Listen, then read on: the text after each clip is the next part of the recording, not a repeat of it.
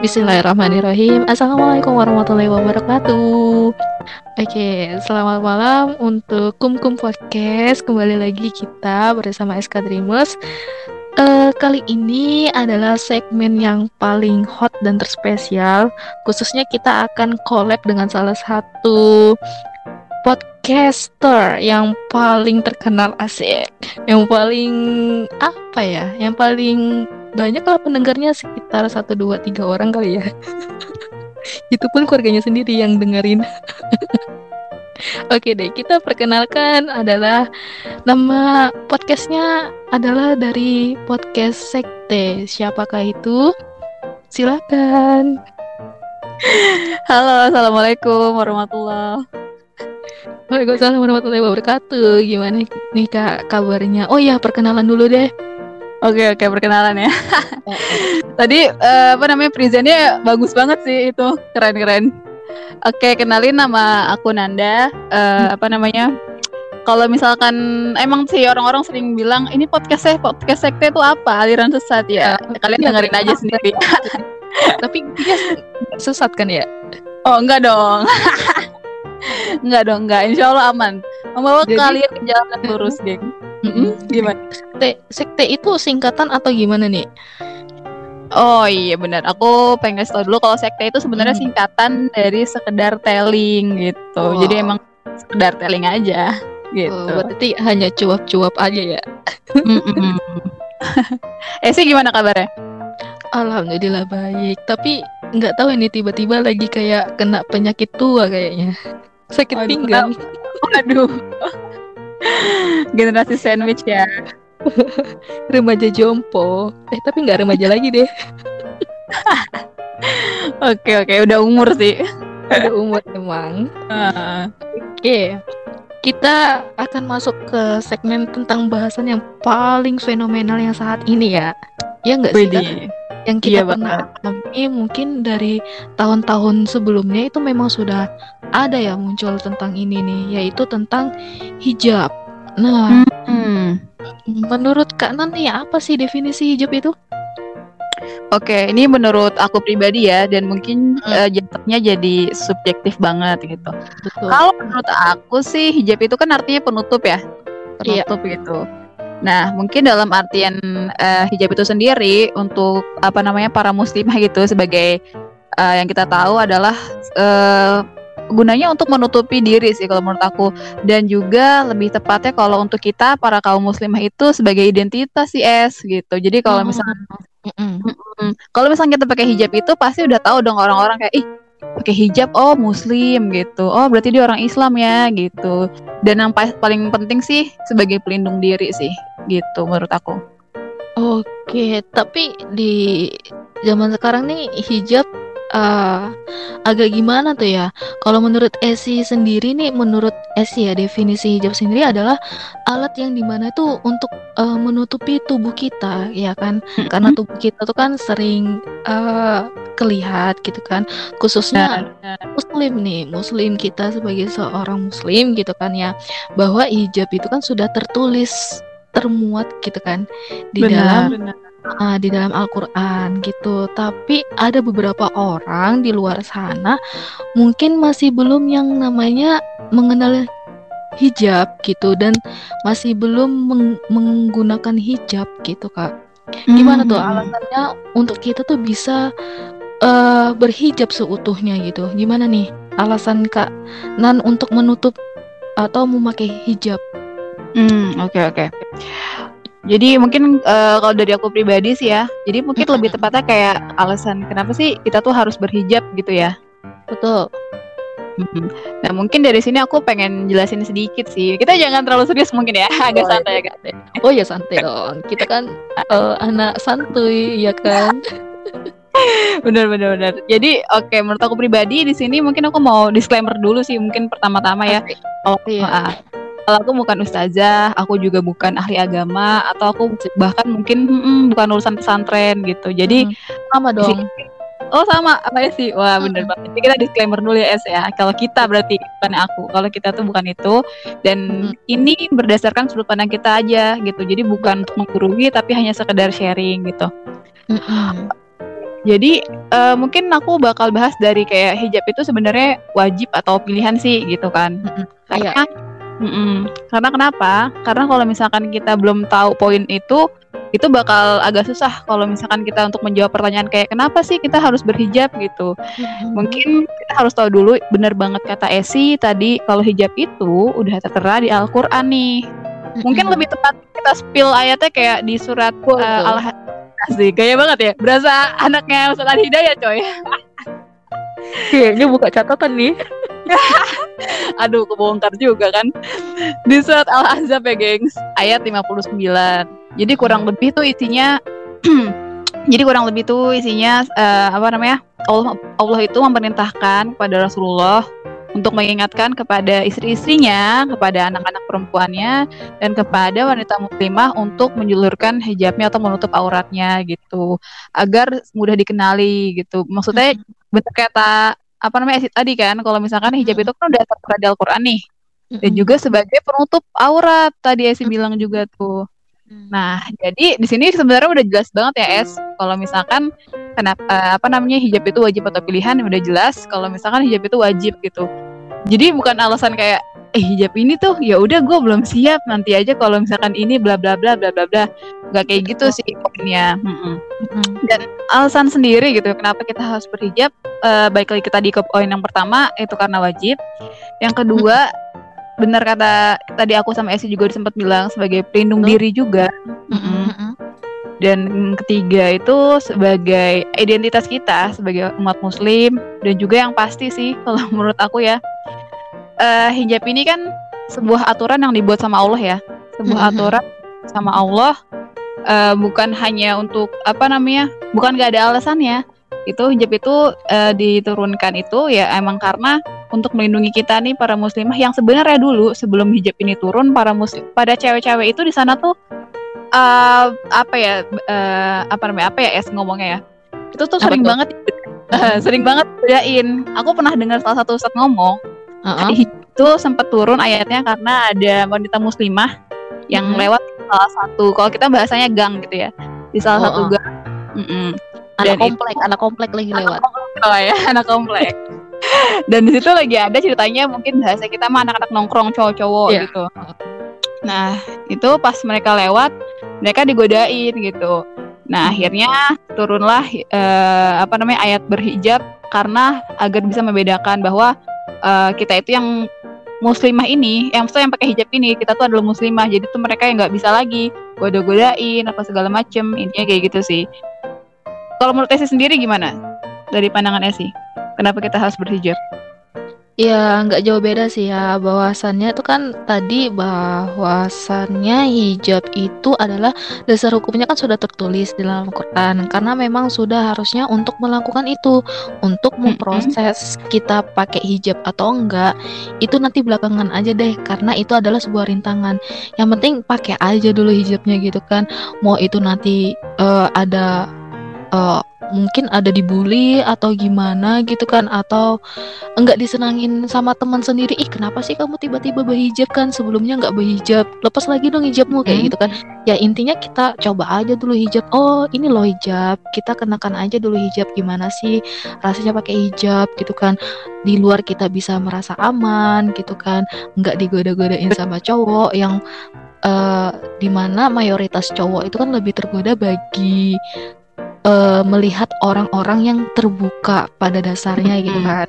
Jadi yeah, yeah. mungkin bahwa alasannya hijab itu sebagai pelindung kita gitu sebagai wanita gitu kan karena hijab sendiri kan juga akan mengangkat derajatnya wanita gitu kan uh, merasa uh, dilindungi bahwa laki-laki hmm. itu nanti akan merasa oh dia muslim kita nggak boleh godain kita juga harus uh, jaga mereka mereka adalah wanita yang harus kita jaga gitu kan hmm, seperti benar. itu karena juga membedakan salah satunya dengan mohon maaf ya binatang gitu kan binatang hmm. kan kita binatang itu kan tidak memiliki uh, namanya alat pelindung ya atau mungkin alat menutup gitu kan bahwa kita lihat ya uh, pakaian gitu kan bahwa di luar sana kan banyak-banyak binatang yang tidak pak uh, memakai pakaiannya itu kan ya mungkin kelihatan kakinya, kelihatan lehernya gitu kan.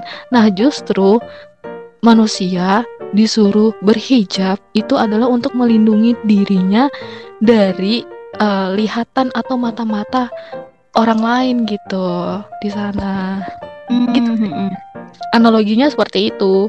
Kalau misalkan ada yang bilang analoginya ah kita berhijab hijabin hati dulu deh gitu nanti aja hijabnya gitu yang penting uh -huh. hatinya hatinya baik suka menolong orang membantu orang gitu kan kayak mm -hmm. gitu banyak kayak gitu kan ya kak gitu benar banget hijabin aja hatinya dulu nanti aja di belakangannya untuk hijab gitu kan masih ada hidayah hidayah Allah yang lain gitu katanya kayak nah, gitu bener, bener. Ah. Padahal sebenarnya kalau dia hijabin hatinya dulu hijab itu kan artinya penutup ya. Berarti hatinya ditutup dong gitu. Iya. Itu gitu. sebenarnya kayak sudut pandang yang masih kurang tepat ya kalau dari aku pribadi uh, sih gitu. Sama sih sama gitu kak. Cuman uh, apa ya dari masyarakat yang masih belum paham bahwasannya hijab ini adalah ya kamu harus pakai hijab harus nutup semuanya dari ujung kepala sampai ujung kaki gitu kan tidak mm -hmm. boleh berubah gitu. Dan perilakumu juga harus itu juga kamu akan berubah gitu harus jadi lebih baik. Sebenarnya enggak semua orang kayak gitu kan. Ya pelan-pelan banget gitu loh. pelan-pelan aja gitu kan. Misalkan proses kita mulai dari nol kita bisa melangkah uh, nol setengah buat menjadi satu gitu kan. Nanti kalau sudah menuju satu angka satu kita pelan-pelan untuk menjadi satu setengah dulu baru kedua. Sampai seterusnya kayak gitu kan ya kayak ya. nah benar, tapi tapi uh, banyak sekali ini kan ada beberapa kasus di luar sana yang pernah Esi alami sampai akhir ini bahwasannya uh, hmm. ada beberapa sekolah yang pernah kita dengar siswanya untuk dituntut memakai hijab sampai akhirnya depresi gitu kan, hmm. ya kan? Hmm. Gitu. Kita juga seperti penggambaran di mana kita naik motor harus pakai helm wajib Nah, benar-benar. Uh, menurut tanggapan Kak Nan gimana ya? Waduh, ini ini menarik banget sih. Ini uh-uh. topik yang sebenarnya sorry. Ini emang topik yang sebenarnya emang sering banget dipermasalahkan atau diperbincangkan sih. Sebenarnya dari dulu sih es kalau mm -mm. sebenarnya dari dulu. Karena kenapa? Karena mungkin uh, gini deh, kita mungkin bahas soal tadi dulu ya soal uh, ada sebuah sekolah yang di mana hmm. salah satu gurunya gitu uh, menyuruh gitu menyuruh hmm. siswinya untuk menggunakan hijab gitu Mm-mm. dan akhirnya siswi tersebut depresi gitu karena tekanan tersebut. Nah di sini uh, yang langsung ram yang langsung diperbincangkan oleh para netizen ya netizen dan netijah nih. dan juga sebenarnya sebagian besar dari golongan kiri sih ya kalau lebih iya. tepatnya itu Mereka malah mempermasalahkan hijabnya nih es. Katanya, nah. katanya tuh kan benar gara-gara uh, dari kecil disuruh pakai hijab sini gitu. Jadinya mm. apa namanya uh, anak-anak pun jadi depresi, tertekan. Tuh kan mm. makanya mana, anak kecil nggak boleh tuh disuruh-suruh pakai hijab gitu. Nanti mm. aja orang belum wajib gitu-gitu. Mm. Jadi uh, uh, banyak banget ternyata yang emang mempermasalahkan hijabnya. Bahkan uh, di sini konteksnya sudah menyalahkan gitu. Menyalahkan hijabnya. Nah, jujur uh, dari aku pribadi ya, sebenarnya sebenarnya kita bisa loh ubah sudut pandangnya gitu kayak misalnya saat ini kita ngomongin tentang hijabnya mulu yang salah segala macam. Coba kita hmm. tarik belakang kita kita runutin dulu gitu permasalahannya. Bisa jadi di sini tuh yang salah gurunya dalam menyampaikan kepada si murid gitu kan. Entah hmm. itu secara verbalnya nggak baik gitu kayak misalkan Iya, cara ngomongnya gitu, cara menyampaikannya kurang baik sehingga si siswi tersebut depresi dan merasa tertekan gitu atas aturan dari si guru tersebut atau bahkan pihak sekolah gitu. Terus juga um, kita nggak ada yang pernah tahu juga uh, basic si anak ini tuh udah mempunyai penyakit mental atau belum gitu. Ngerti gak maksud aku?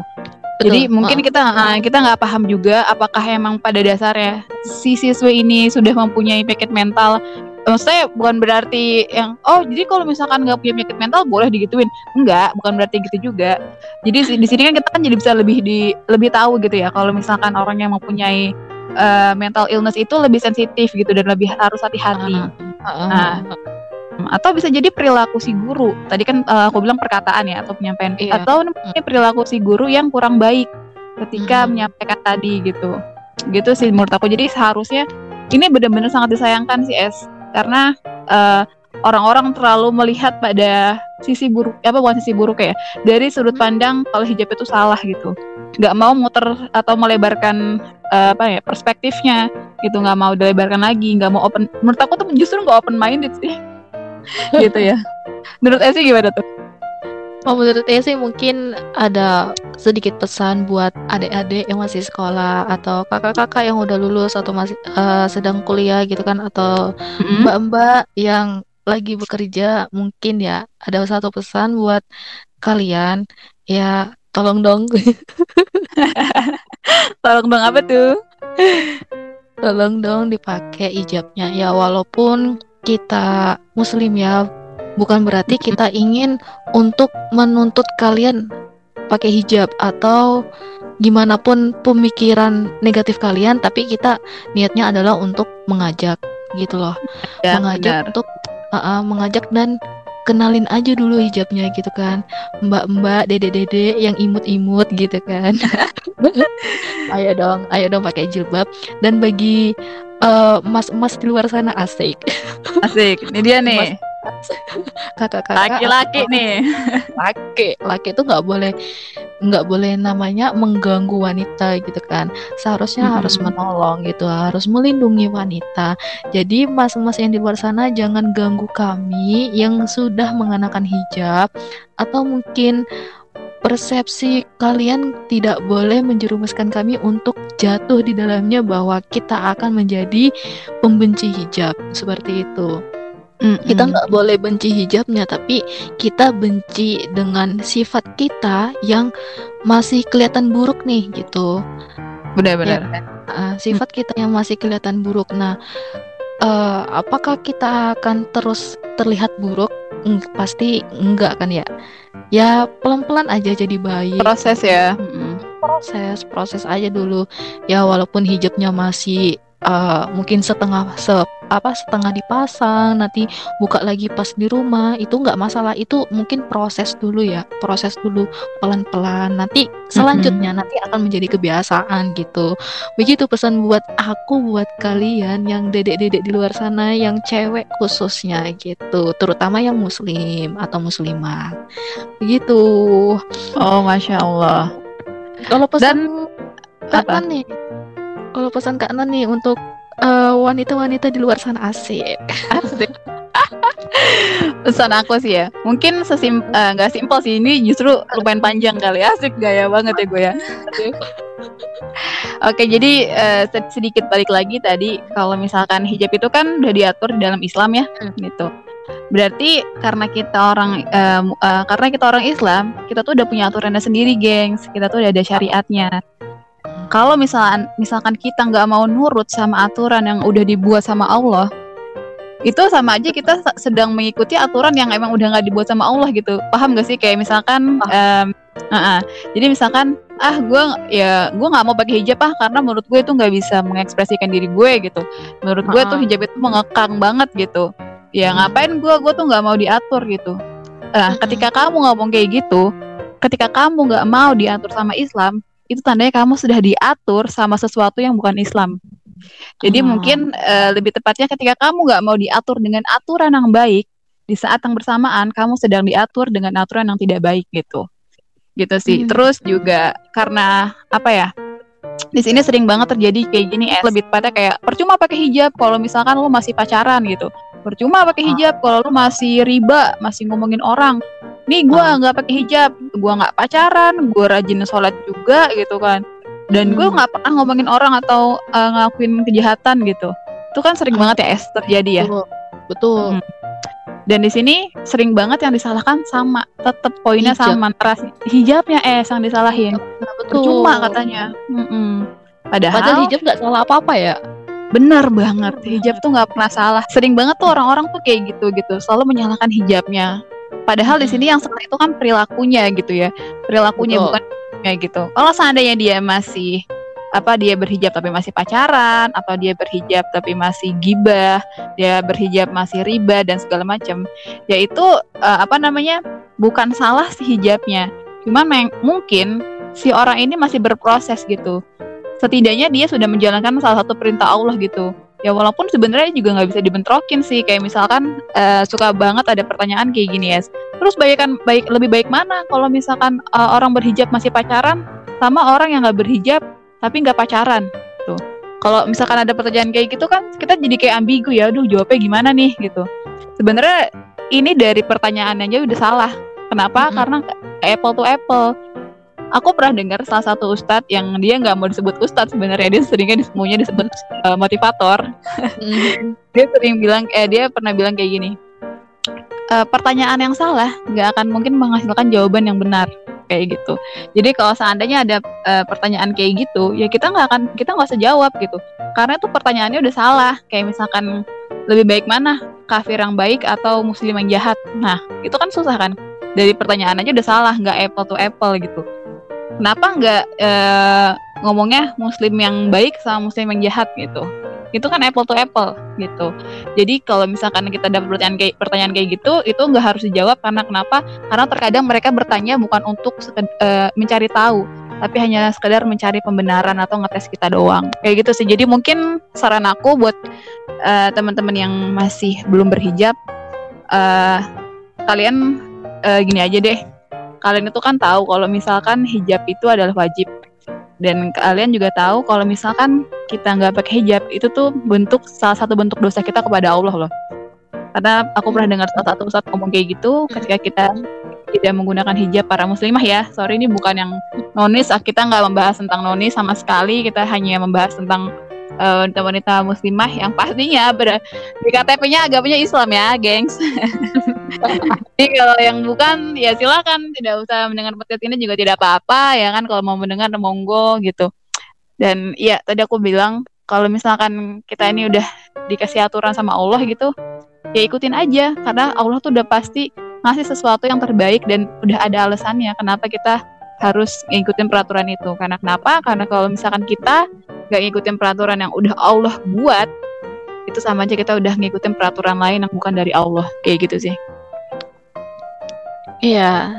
Nah, jadi begitu Dreamers dan pendengar sekte. jadi iya. Jadi begini, dari semua kasus yang sebelumnya kita pernah apa kita pernah obrol apa kita obrolin sekarang ini ada berapa lagi kasus nih. Halo pakai hijab itu panas, sumpek terus itu buat kepala ketombean. Nah, itu hmm. gimana tuh, Kak?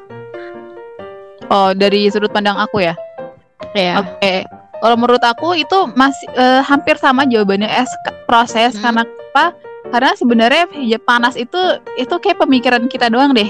Pasti ter kalau misalkan udah dipakai itu lama-lama lama-lama bakal kebiasaan kok. Jadi ya, satu hal apa pun apa pun sih yang kita baru mulai coba itu mungkin awalnya nggak nyaman. Mm-hmm. Cuman ketika kita terus melakukannya secara rutin dan konsisten, itu kita lama-lama akan terbiasa gitu setelah kita terbiasa itu akan menjadi karakter dan mendarah daging sama diri kita gitu karena kalau misalkan kita nggak pakai jadi ih kok aneh ya ada yang kurang ya? Kayak gitu. Masalah uh, kalau masalah ketombean atau segala macem itu mungkin lebih kayak ke ini sih yes kayak uh, mungkin dari segi kebersihan gitu. Harus sering-sering oh. keramas uh, atau mungkin mencari hijab yang bahannya tuh nyaman adem. Karena memang berpengaruh terkadang sama kulit kepala kayak gitu. Dari aku sih gitu. Kalau menurut Esi gimana? Iya sih. Uh, salah satunya itu sih uh, perlu kebiasaan juga banyak juga orang yang berkata ala pakai hijab kayak emak-emak nah itu mm-hmm. lagi-lagi uh, persesif orang-orang itu kayak gitu tuh. Sebenarnya hijab itu bukan buat kita panas ya. Mungkin di dunia sekarang itu ya memang buat kita panas karena itu salah mm -hmm. satu adalah rintangannya gitu kan rintangan kita untuk bisa uh, istiqomah atau enggak gitu kan makanya yeah. Yeah. salah satu sebuah proses adalah melewati rintangan enggak selamanya proses itu berjalan mulus gitu kan kayak kayak jalan hmm. tol gitu enggak ada rintangan sama sekali gitu kan nah itu adalah salah satu rintangan kita buat menjadi terbiasa dengan hijab nah untuk urusan kita dikatain kayak emak-emak kan kita nanti ke depannya akan jadi ibu ya gitu kan. Benar-benar banget benar banget sih. Ibu buat anak-anak kita. Iya. Asik.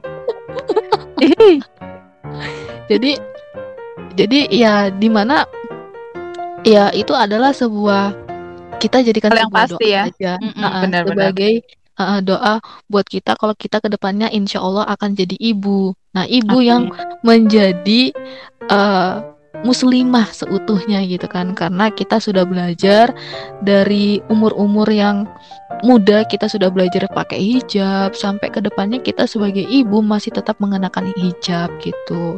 Benar Nah, banget. jadi itulah kenapa hijab itu sangat istimewa diturunkan untuk kita seorang wanita gitu kan. Wanita wanita, wanita bukan seorang ya wanita wanita khususnya gitu. benar Mm. Jadi banyak sekali ini permasalahan-permasalahan tentang hijab ya. Salah satunya itu tadi eh, mungkin kita pernah alamin ya di salah satu sosial media sebut aja Mhm. Instagram spill aja spill ya Nah, terus Eh, ya. Kita kan sering eh, kita pernah mendengar sebuah berita atau mungkin kasus bahwasannya muslim atau bukan seorang wanita mengenakan cadar dan penutup seutuhnya itu adalah laki-laki. Nah, Hmm. itu pernah nggak sih kita dengar dia Oh, kayak sering banget. menipu, menipu orang-orang lewat dari penutupnya yaitu hijab gitu kan. Jadi dia Mm-mm. dari atas kepala sampai kaki tuh tidak kelihatan ini wanita atau enggak atau kita lihatnya kayak wanita gitu tapi pada aslinya loh kok pas tiba-tiba buka kok laki-laki gitu kan untuk Ya, dia ya. bisa uh, uh, bisa menggunakan modusnya untuk mendekati wanita-wanita yang menutup aurat. Nah, menurut Kak Nan nih, gimana nih tanggapannya dari kasus tersebut? Soalnya kayak gitu uh, akan membuat stigma orang-orang makin membenci hijab seperti itu. Iya, benar. Oke, jadi eh, ini kasus ini sering banget terjadi ya, bahkan Hmm. justru rentan banget terjadi di kajian-kajian yang emang banyak banget muslimahnya. Gitu. Betul. Nah, jadi em, mungkin di sini aku juga pengen apa ya ngasih tahu ke teman-teman semua, bukan berarti ketika apa ya, ketika ada salah satu kasus yang seperti itu, itu tuh harus digeneralisir semuanya kayak begitu gitu. Mungkin sedikit ditekan ya, kalau misalkan ada salah satu kasus tuh bukan berarti keseluruhannya kayak gitu. Dan ini emang oknum aja sih nih. Ini emang oknum kurang ajar yang mani laki-laki ini nih. Karena kenapa? Karena dia menggunakan kesempatan. Bener banget kata Esi tadi. Menggunakan kesempatan untuk bisa mendekati atau interaksi ya Es lebih tepatnya ya. Nah, kesama kesama muslimah gitu. Gitu. Karena kan mungkin kita udah tahu ya Udah kalau tahu ya. misalkan di eh, apa namanya sesama muslimah itu kita nggak masalah kalau misalkan interaksi salaman atau segala macam gitu cipika-cipiki gitu apalagi dia menggunakan cadar gitu. Dan di sini yang harus mungkin uh, aku sedikit mungkin lebih kayak ke bagian teknisnya sih Es. Kalau mau komentar ntar mungkin Esi ngelengkapin atau nambahin ya. Oke.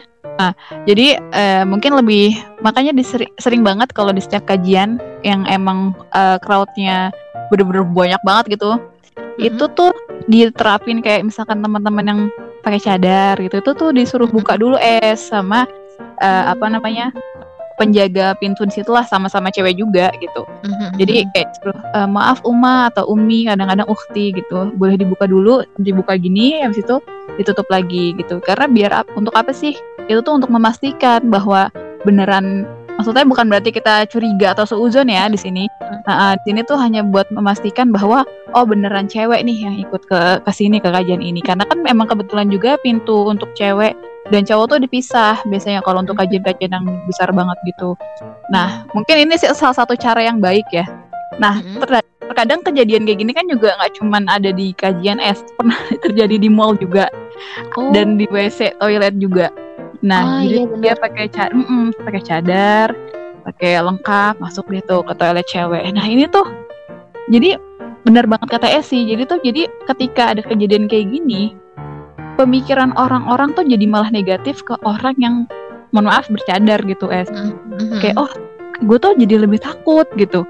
Jadi lebih Mm. takut sama orang yang bercadar nih karena kan udah ketahuan itu tuh cewek tuh cowok gitu. Mhm. Jadi uh, tolong jadi aku mungkin di sini kayak pengen negasin juga ya buat teman-teman yang emang uh, apa namanya mungkin uh, apa namanya berniat jahat nih. Kayak sebenarnya sih tapi tempatnya buat laki-laki ya. Laki-laki yang ny yang nyamar-nyamar jadi cewek tolong deh. Maksudnya dengan kamu kayak gini dengan lo gue sih nggak mau kamu kamuan ya. Dengan yeah. lo iya. bersikap kayak gitu asik. Dengan lo bersikap kayak gitu tuh lo ngerugiin banyak orang dan bahkan lo ngerugiin agama satu salah satu agama yaitu per, yang apa yang di sini namanya Islam kayak gitu. Jadi gara-gara sifat atau tindakan lo itu lo merugikan uh, salah satu apa ya bukan salah satu sih. Lu tuh menyakiti hati-hati kita semua para muslim dan muslimah tahu nggak? Karena kelakuan lo itu membuat orang-orang non muslim atau bahkan cewek-cewek yang belum berhijab itu jadi takut. Jadi takut sama orang-orang yang bercadar gitu sih dari aku es kamu gimana? Jadi lo gue N gitu ya? Iya lo gue tampol gitu.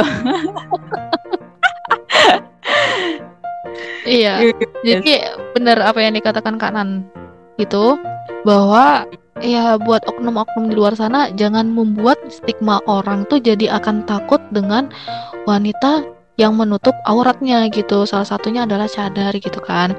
Balik lagi nanti takutnya adalah hijab lagi yang dipermasalahkan gitu. Ya kan? Ujung-ujungnya Allah hijab itu buat kita semakin nggak bebas nih buat buat apa namanya berkarya buat bekerja gitu kan. Dan mm -hmm. juga uh, banyak kok orang-orang yang sekarang ini kayak melecehkan muslimah gitu kan dengan hijabnya masih tetap digoda-godain gitu. Jadi banyak banget ini ketakutan-ketakutan masyarakat gitu kan. Apalagi mm -hmm. ditambah dengan oknum-oknum seperti itu dengan menggunakan cadar dan sebagainya jadi semakin memperkuat kebencian orang-orang itu terhadap hijab gitu. Hmm, benar banget ya. Otomatis otomatis apa ya? Terkikisnya sebuah ilmu. Kita belajar di sekolah gitu kan tentang materi untuk menutup aurat eh akhirnya materi itu kayaknya terbantahkan dengan realita. Ya enggak sih? Iya, iya benar. Ya, guru bilang, "Ayo kita sama-sama menutup auratnya." Tapi di luar sana kok kita sudah menutup aurat tapi pada realitanya kita masih digodain, masih dicuitin gitu kan, masih apa sih banyak yang modus-modusin gitu. Nah, kembali lagi untuk kita sebagai muslimah gitu memperkuat benteng kita sih karena itu adalah sebagian dari rintangan kita untuk menggunakan hijab. Nah, jadi hmm. untuk uh, headline-nya untuk kasus ini adalah oknumnya kita harus uh, basmi bantai. gitu. Ya harus kita basmi. Harus kita basmi dan berhati-hati. Dan juga mungkin untuk suuzon itu nggak ada ya. Kita untuk suuzon itu nggak ada. Cuman hanya perlu berhati-hati aja gitu. Iya. Karena uh, kita bisa membedakan yang mana oknum laki-laki yang mana untuk uh, perempuan. Pasti bedanya adalah di salah satu tampilan tubuh gitu kan. Kalau bisa iya kita postur ya. uh, postur tubuh dan juga membaca suara bisa juga suara. Benar hmm. sekali. Nah itu. Jadi kita harus berhati-hati dan tahu nih maksud dari oknum itu. Jadi untuk para uh, teman-teman wanita asik. Asik. Khususnya Ekta Dreamers dan sekte gitu kan. Mm -hmm. kita harus berhati-hati di luar sana gitu kan. Tapi tetap harus uh, berpegang teguh dengan hijab ya. Hijab. Apa pun itu masalahnya atau rintangannya yang diturunkan di asik diturunkan. Diturunkan sama Allah gitu kan. Kita harus perkuat uh, hijab kita karena itu adalah sebagai bentuk keimanan kita ya kan? Benar banget. kita, seperti itu. Mungkin dari aku ada sedikit tambahan sih es. Apa tuh? Nah jadi kayak misalkan tadi kan Esi sempat uh, bilang juga gitu kalau misalkan uh, kita apa namanya kalau misalkan kita tuh uh, suka susah membeda apa susah menerima gitu kenyataan bahwa percuma kok pakai hijab uh, orang banyak juga yang di apa ya dilakukan pelecehan seksual dengan mohon maaf nih dengan yang udah bercadar dan segala macam gitu. Tetap aja masih digodain masih diapain gitu. Di sini mungkin uh, poin yang harus kita sadari bahwa ketika ada seorang wanita atau cewek gitu yang nggak pakai hijab intinya dia akan makin terbuka gitu ya gitu ya. Hmm. dan emang tiba-tiba dia uh, mendapatkan perlakuan yang tidak baik itu yang mendapat dosa keduanya oh. si cewek dan si cowok. Kalau yang aku pernah dengar dari Ustadz gitu kan. Karena kenapa? Ya karena si cewek ini yang muslim ya so, yang di sini tekanin yang muslim gitu. Karena si cewek ini nggak menjalankan perintah Allah gitu. Si cowok ya udah jelas salah. Ya iya kali gitu lo ngapain lo punya mata tapi lo nggak bisa jaga gitu. Dan lo juga punya birahi nggak bisa dijaga gitu kan. Yang Betul. kedua uh -uh, kasus yang kedua apabila ada seorang cewek cewek juga tapi dia sudah menutup aurat dengan baik ya entah itu memakai cadar atau enggak intinya sudah menutup aurat dengan baik dan dia masih mendapatkan uh, pelecehan seksual juga kasus pelecehan seksual gitu itu yang berdosa adalah si cowoknya. Dan bisa dibilang bisa juga kalau misalkan uh, pahala-pahala si cowok itu bisa ke transfer si ke cewek. Dan bahkan kalau misalkan pahala itu masih kurang dosa si cewek ini ke transfer ke si cowok itu jadi maksudnya kita tuh nggak ada ruginya kok pakai hijab mungkin aku pengen bilangnya kayak gitu justru yang rugi ketika kita nggak pakai hijab gitu sih Benar sekali. Jadi jangan takut untuk kita memulai hijabin aja dulu ya, hijabin diri bukan Benar. hijabin hati gitu. Benar banget. uh, misalkan ada orang di luar sana, uh, misalkan ya, salah satunya kita selalu berbuat baik, selalu selalu menolong gitu kan. Tapi kita nggak mm -hmm. menggunakan hijab kita gitu. Nah sebenarnya uh, hijab sama perilaku tuh beda ya kak Nan ya? Ya kan?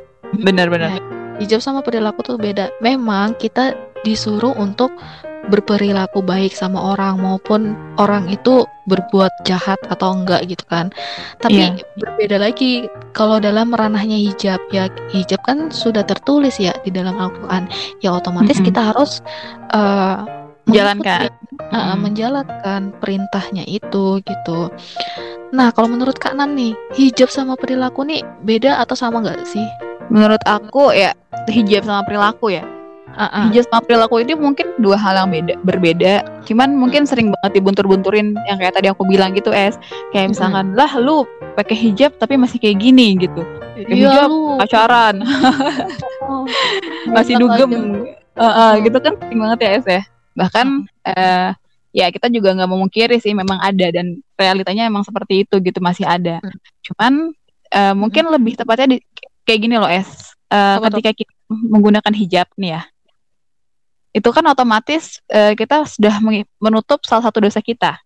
Itu yang pernah aku pelajarin gitu ya. Ketika kita menggunakan hijab, kita sudah menutup salah satu dosa kita dan sudah menjalankan salah satu uh, kewajiban kita gitu. Nah, ketika kita sudah pakai hijab, uh, sebisa mungkin otomat nggak tahu ya ini secara otomatis atau enggak gitu. Kita tuh kayak segan gitu loh, es mau berperilaku buruk gitu. Kayak misalkan ada juga kan uh, apa namanya orang-orang yang cewek-cewek itu misalkan masih ngerokok, cewek-cewek yang ya kak kita juga sering lihat lah ya di luar sana gitu. Nah itu kalau misalkan kita udah menggunakan hijab itu kan terkadang ada rasa kayak, aduh gue masih mau ngerokok masa sih kan gue udah pakai hijab nih. Itu akan ke kerem sendirinya gitu, direm sama si hijab ini gitu perilaku buruk itu. Dan seandainya pun ketika kita menggunakan hijab tapi ternyata bukan kita misalkan ada orang gitu ya masih udah menggunakan hijab tapi masih berperilaku nggak baik yaitu adalah eh, kesalahan di dalam diri dia sendiri dari perilakunya sendiri bukan karena hijabnya gitu. Karena udah berbeda ranahnya nih gitu. Dan emang eh, apa namanya kita juga nggak bisa pungkiri sih di sini tuh kalau misalkan udah terjadi kayak misalkan apa ya stigma-stigma negatif terhadap hijab udah susah L eh L lagi S kebentuknya tuh udah susah gitu. Untuk mengubah uh, persepsi mereka tuh udah susah jadi mungkin lebih uh, aku sih lebih apa ya? Di sini mungkin mau ditekankan bahwa uh, ketika kita pakai hijab pasti ada aja yang komentar, tapi ketika kita nggak pakai hijab itu juga pasti ada yang komentarin kayak gitu. Jadi kamu mau dikomentarin ketika kamu taat atau mau dikomentarin ketika kamu nggak taat gitu aja sih. Iya, lebih baik dikomentari sama net netizen dan netizen daripada dikomentari langsung sama Allah ya kan di akhirat. Banget, benar uh, banget sih. Itu. Jadi harap harap harus dijaga hijabnya ya supaya kita tuh tidak selalu uh, mengerjakan perbuatan yang tidak semestinya itu kita lakukan gitu kan? Hmm, benar banget. Nah tapi ini kan berbeda ya kak ya. Dari zaman dulu sama zaman sekarang nih. Uh, uh, didikan untuk zaman dulu tuh kan beda ya. Kalau dulu mungkin ada beberapa yang membolehkan, oke okay deh kamu nggak usah berhijab, nanti ke depannya kamu berhijab pelan-pelan aja. Itu pun nanti akan ada yang menggunakan hijab pelan-pelan. Nah sekarang ini kan banyak sekali tuh anak-anak muda, mungkin generasi Z atau generasi setelah Z seterusnya itu kan, mm-hmm. itu tuh sangat susah sekali mungkin yang aku rasakan ya sekarang ini ya mungkin mm-hmm. susah sekali untuk tetap mempertahankan hijabnya gitu kayak salah satunya adalah misalkan adekku nih adekku umurnya mungkin masih remaja ya masih SMP misalkan ya. Masih SMP dek pakai hijab dong gitu. Kamu kan cantik harus harus melindungi dirimu dong supaya enggak dilihat oleh laki-laki di luar sana. Karena banyak laki-laki yang tidak pernah ada yang menjaga pandangannya atau tidak pernah menjaga pandangannya. Tidak bisa menjaga pandangannya gitu. Nah mungkin kita yang sebagai uh, anak-anak milenial yang sudah tua-tua. Bagi tips dong untuk uh, kasih jalan tipsnya supaya ini adik-adik yang baru-baru aja lahir ke dunia nyata ini. Untuk untuk berhijab gitu. Gimana Kak? Karena kan kita akan sebagai menjadi orang tua ya kan ke depannya kan nanti. Nah, untuk mendidik anak-anak nanti itu ataupun saudara-saudara saudara-saudara kita untuk memahami hijab itu seperti apa? Oke. Mungkin uh, dari aku pribadi sih mungkin ini nggak tahu ya tipsnya ini uh, berjalan dengan baik atau enggak gitu, works atau enggak yeah. gitu. Yeah. Kan yang pasti pertama uh, kita sebagai kakak-kakak atau saudara atau orang-orang yang udah berhijab itu mungkin hal yang harus harus digarisbawahi juga sih. Itu kita kita kita kita nggak sih? Kita nggak boleh kita nggak boleh merasa uh, lebih baik daripada mereka gitu. Mm-hmm. Kita nggak boleh ngerasa kalau misalkan kita tuh lebih paham gitu, lebih tahu, mm-hmm. lebih lebih pokoknya lebih baik lah daripada mereka.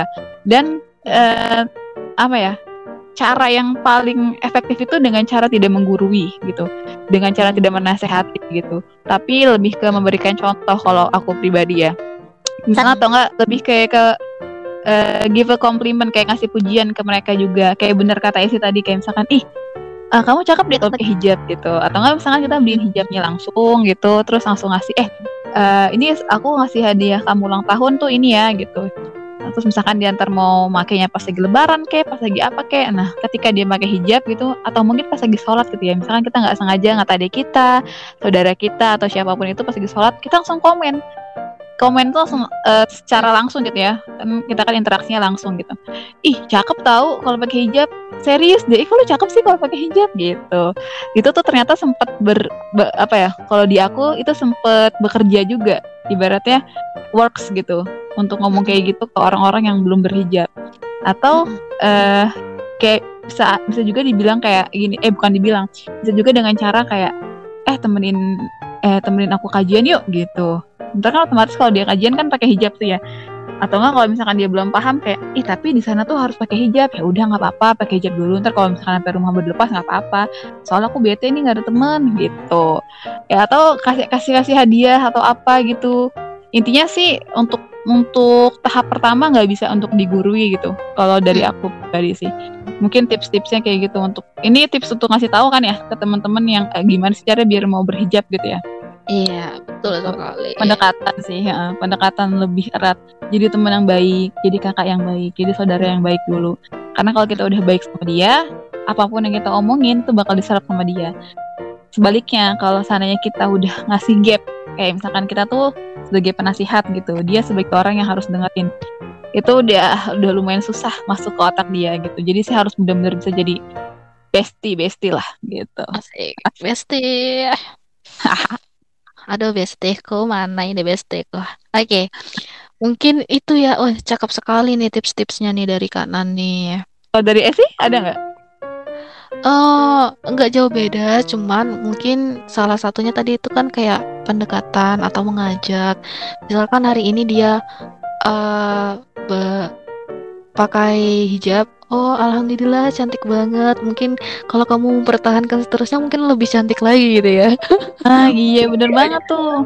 Puji aja dia terus gitu kan biar bisa mempertahankan. Tapi kita memang ngelihat dia itu harus baik gitu nggak boleh dia kok makin berhijab kok makin jelek ya buluk lagi oh nggak kayak gitu mm-hmm, kita nggak mm-hmm. boleh kita nggak boleh memperjelekan tampilan dia gitu setelah memakai hijab tapi harus tetap memuji karena dia adalah ciptaan Allah gitu kan.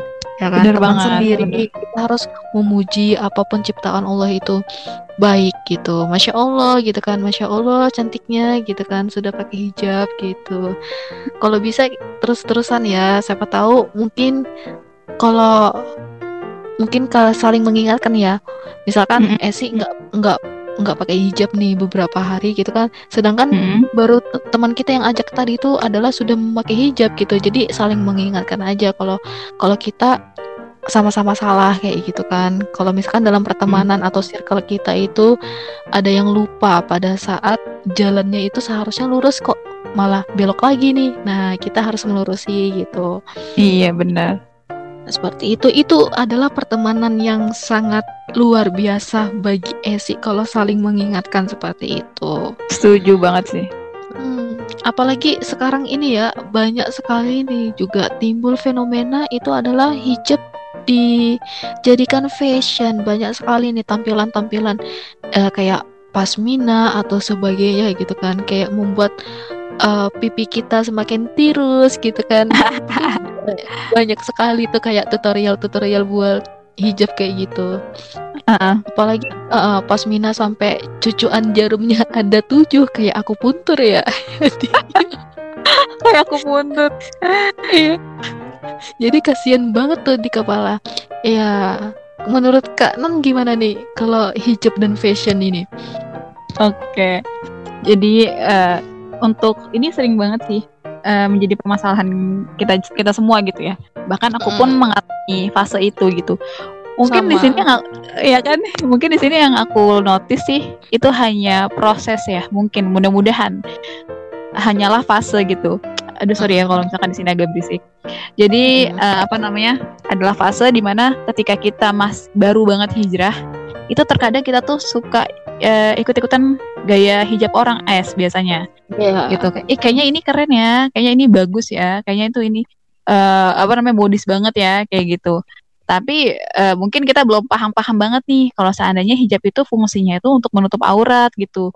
Bahkan mm -hmm. yang paling minimal aja tuh harus menutupi dada gitu ya walaupun yeah. emang nggak nggak nggak kayak orang-orang apa ya ukti-ukti yang emang udah masya Allah banget sampai uh, selutut mungkin hijabnya udah pokoknya udah panjang banget gitu. Mungkin belum bisa kayak gitu tapi minimal kan menutupi dada kan.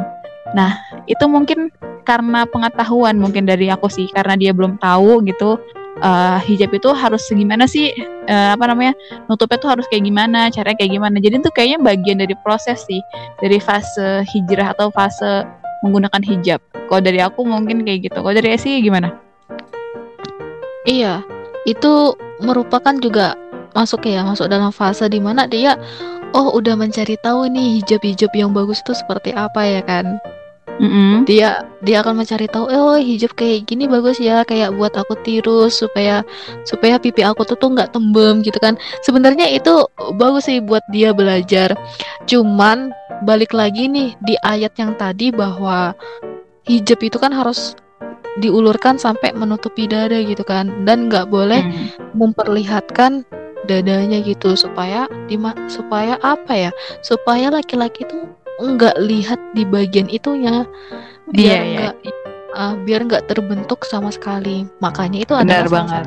salah gitu kan jadi bagi teman-teman yang masih belajar hijab ya nggak apa-apa cobain aja dulu hijabnya terus itu kalau masalah fashion cari deh uh, fashion yang di mana menutup hijab eh menutup hijab menutup dada gitu Iya, walaupun dilihat-lihat minimal untuk tidak adalah tetap gitu ya. Karena kan masih iya. proses. Iya, iya bener. Bener banget. Jadi kalau mau OOTD-nya asik, OOTD-nya yang matching gitu kan mix and match.